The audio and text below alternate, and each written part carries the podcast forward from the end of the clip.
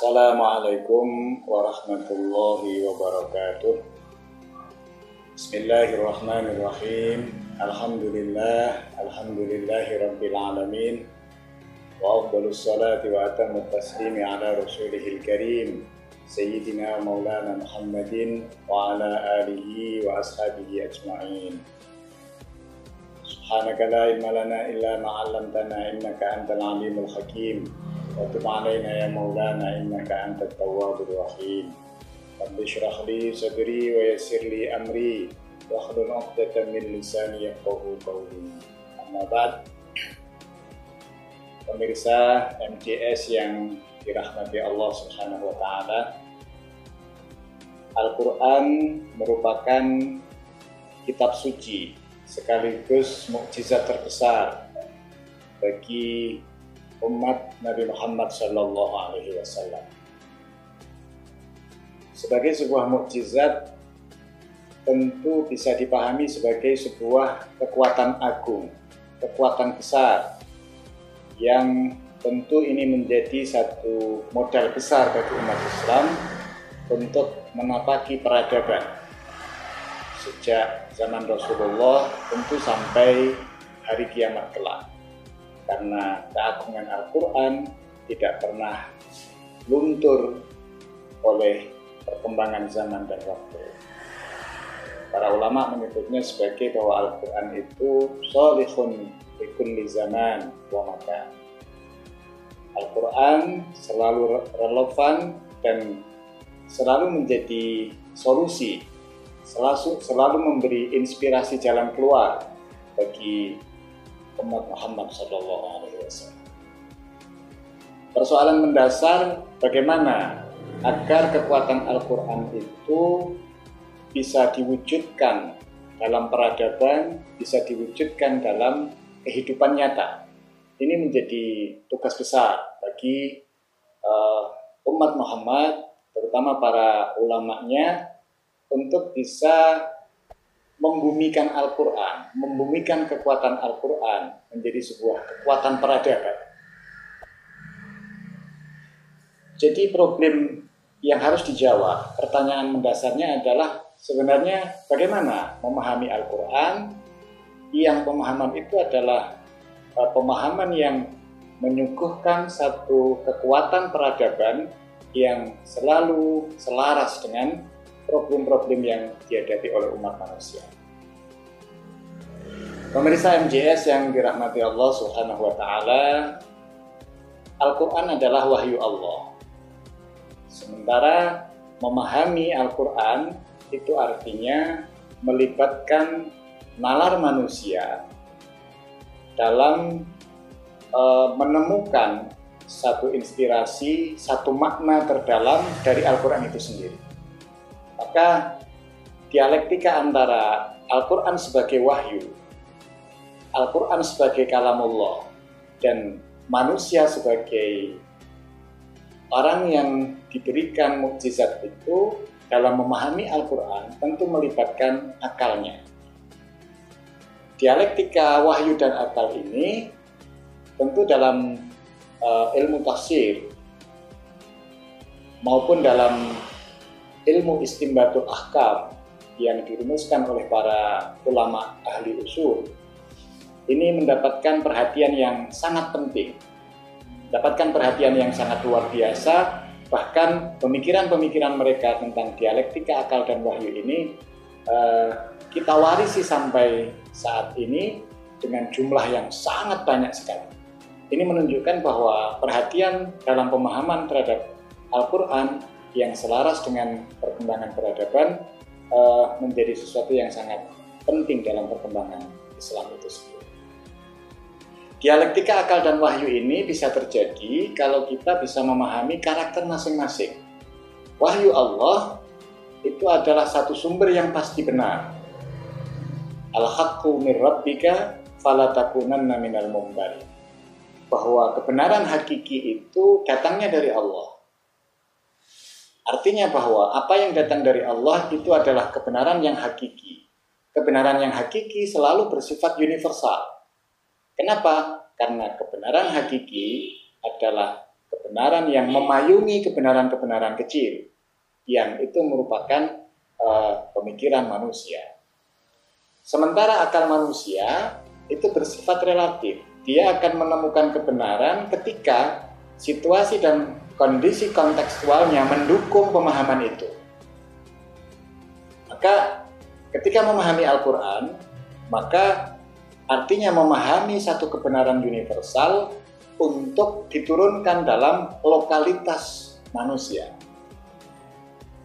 Hal ini tentu eh, melahirkan satu pemahaman yang tidak setara dengan wahyu. Artinya pemahaman manusia terhadap wahyu itu bukan wahyu itu sendiri, tidak setara kualitasnya dengan wahyu itu sendiri, tidak bisa dimutlakkan sebagaimana wahyu itu sendiri.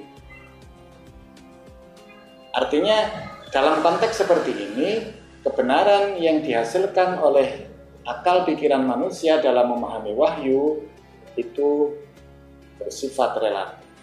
Dia akan benar ketika situasi dan kondisinya mendukung kebenaran pemahaman. Artinya bukan kebenaran yang mustakil lah, bukan kebenaran yang mandiri, bukan kebenaran yang independen, tetapi pemikiran manusia merupakan satu kebenaran yang terkait dengan unsur-unsur lain yang menyebabkan kebenaran itu menjadi benar. Berbeda dengan wahyu yang kebenarannya mustakil, kebenarannya independen, tidak terkait dengan apa pun. Tapi pemahaman manusia kebenarannya selalu dependen, selalu tergantung dengan unsur-unsur lain. Dan yang utama adalah situasi dan kondisi. Dari sini kita bisa e, membuat satu kategori bahwa wahyu itu kebenarannya bersifat hakiki dan sabit. Dia kekal, selamanya akan benar. Sementara kebenaran yang dilahirkan dari interaksi akal manusia dengan wahyu itu melahirkan satu kebenaran yang bersifat mutaghayyir. Mutaghayyir itu artinya mungkin terjadi perubahan. Ya. Karena mungkin terjadi perubahan, maka kebenaran ini tidak boleh disucikan sebagaimana wahyu. Maka ada satu kritik pada orang-orang yang menganggap bahwa kebenaran pemikiran manusia ini seakan-akan wahyu itu sendiri. Sering terjadi uh, satu kegiatan, uh, satu pandangan, ya bahwa seakan-akan pikiran manusia ini mewakili pikiran Tuhan. Maka ada kritik untuk tidak takdisul afkar ad-dini, mensucikan pemikiran-pemikiran manusia meskipun itu bersifat keagamaan. Jadi ini yang uh, pemirsa MJS harus digarisbawahi ya, bahwa wahyu memiliki kebenaran mutlak, sementara pemikiran manusia itu bukan kebenaran yang suci. Meskipun bukan kebenaran suci, tetapi dalam situasi dan kondisi di mana kebenaran itu diletakkan secara tepat, dia harus dipegangi sebagai sebuah kebenaran. Inilah yang disebut dengan al-dhannul qawi. Satu dugaan kebenaran yang diduga dengan sangat kuat karena argumen-argumen yang mendukungnya termasuk situasi dan kondisinya mendukung uh, kebenaran itu. Meskipun ketika situasi dan kondisi berubah, tentu kebenaran ini juga harus dilakukan penyesuaian. Nah, sifat wahyu yang sabit, sifat uh, pemikiran akal yang mutaghayyir ini melahirkan satu turunan bahwa yang sabit ini bersifat qat'i, bersifat pasti, yang mutaghayyir ini bersifat dhanni. Lah, dari kerangka berpikir seperti itu, eh, ketika kita misalnya mendapati ayat-ayat yang terkait dengan peradaban, salah satu contoh misalnya persoalan puasa bahwa Allah berfirman kutiba alaikumusiyam kama kutiba alal ladzina min qablikum la'allakum tattaqun. Di sini ada hukum universal bahwa puasa itu wajib. Hukum universal itulah dalam kacamata hukum disebut dengan al-hukmul asli, hukum asli. Tetapi Allah sebagaimana difirmankan dalam Al-Qur'an itu juga memberikan respon terhadap orang-orang yang tidak bisa melaksanakan puasa karena realitasnya ada banyak fakta, ada banyak alasan yang menyebabkan umat Islam terutama tidak mampu melakukan itu.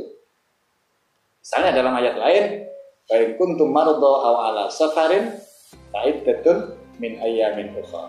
Ada situasi dan kondisi yang membolehkan orang tidak berpuasa. Nah, hukum asli ketika bertemu dengan situasi dan kondisi ini melahirkan satu status hukum yang bersifat al-hukmut tabai.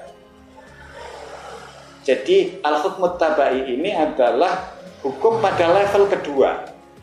Kalau pada level pertama tadi berlaku universal, maka hukum pada level kedua yang disebut dengan al-hukmut tabai itu dia bersifat hukum. Artinya ketika situasi yang membolehkan dia untuk tidak berpuasa itu tidak ada, maka kebolehan untuk tidak berpuasa itu juga menjadi tidak ada.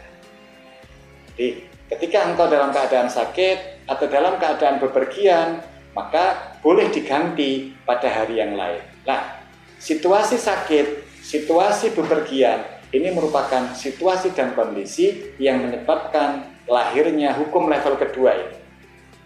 Nah, persoalan-persoalan yang lain misalnya eh, konsep safar yang dimaksud dalam ayat itu.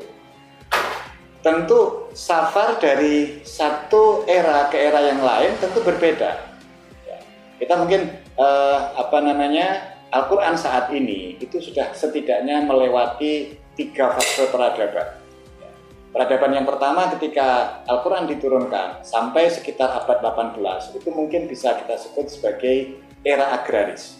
Sehingga pemahaman terhadap Al-Quran itu menggunakan paradigma agraris. Abad 18 mulai ditemukan uh, mesin uap sebagai awal dari peradaban industri atau era industri. Tentu model safar bepergian itu berbeda dengan ketika era era agraris.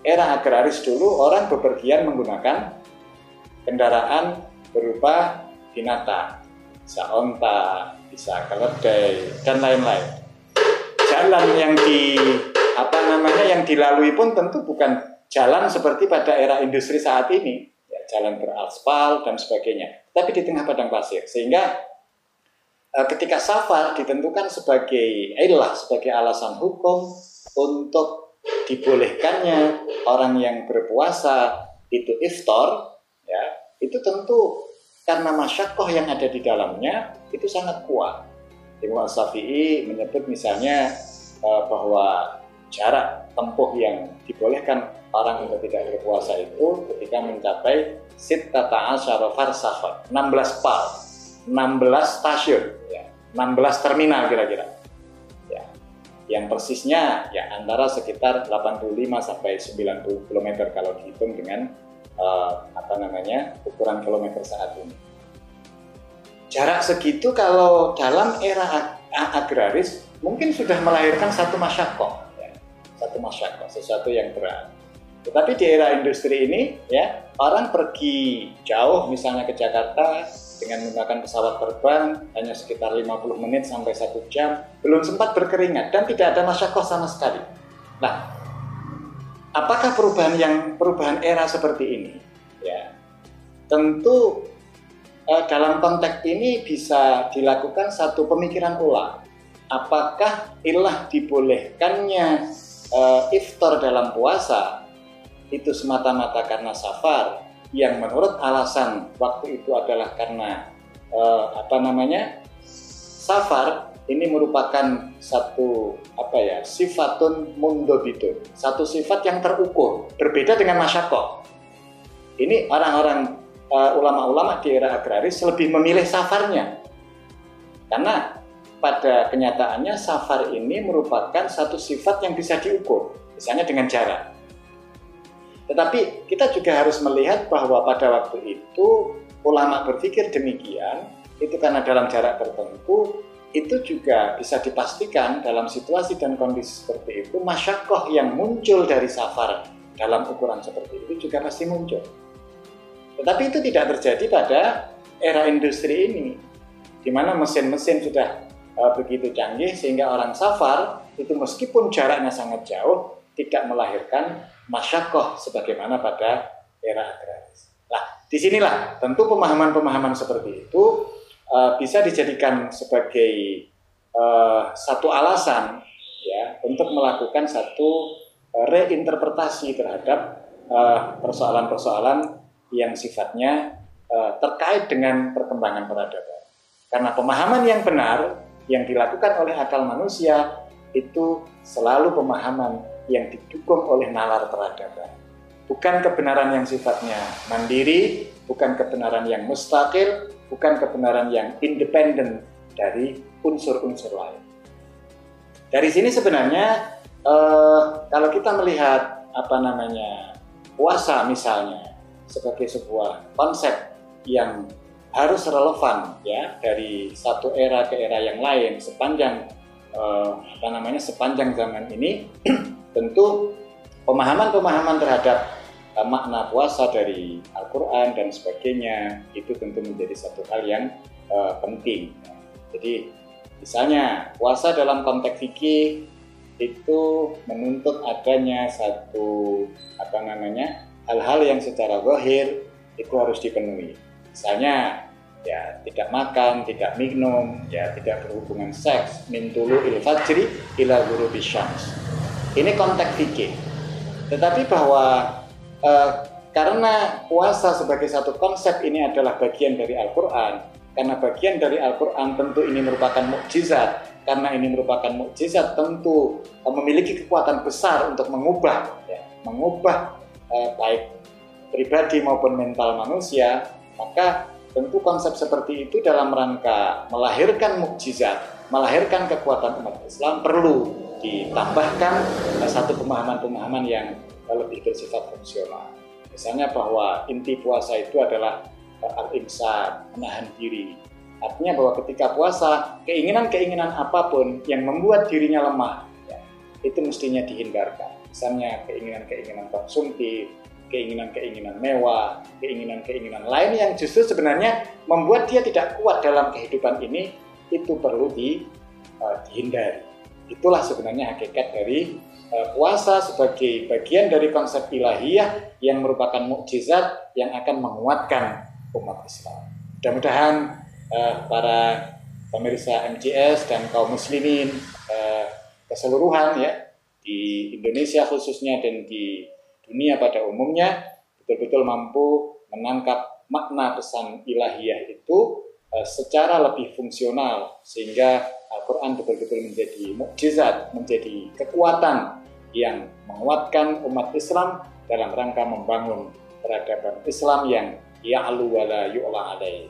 Peradaban Islam yang tinggi, luhur, dan bisa mengantarkan umat Islam, ya, bahkan juga umat manusia ke seluruhnya kepada keluhuran dan keagungan martabat manusia.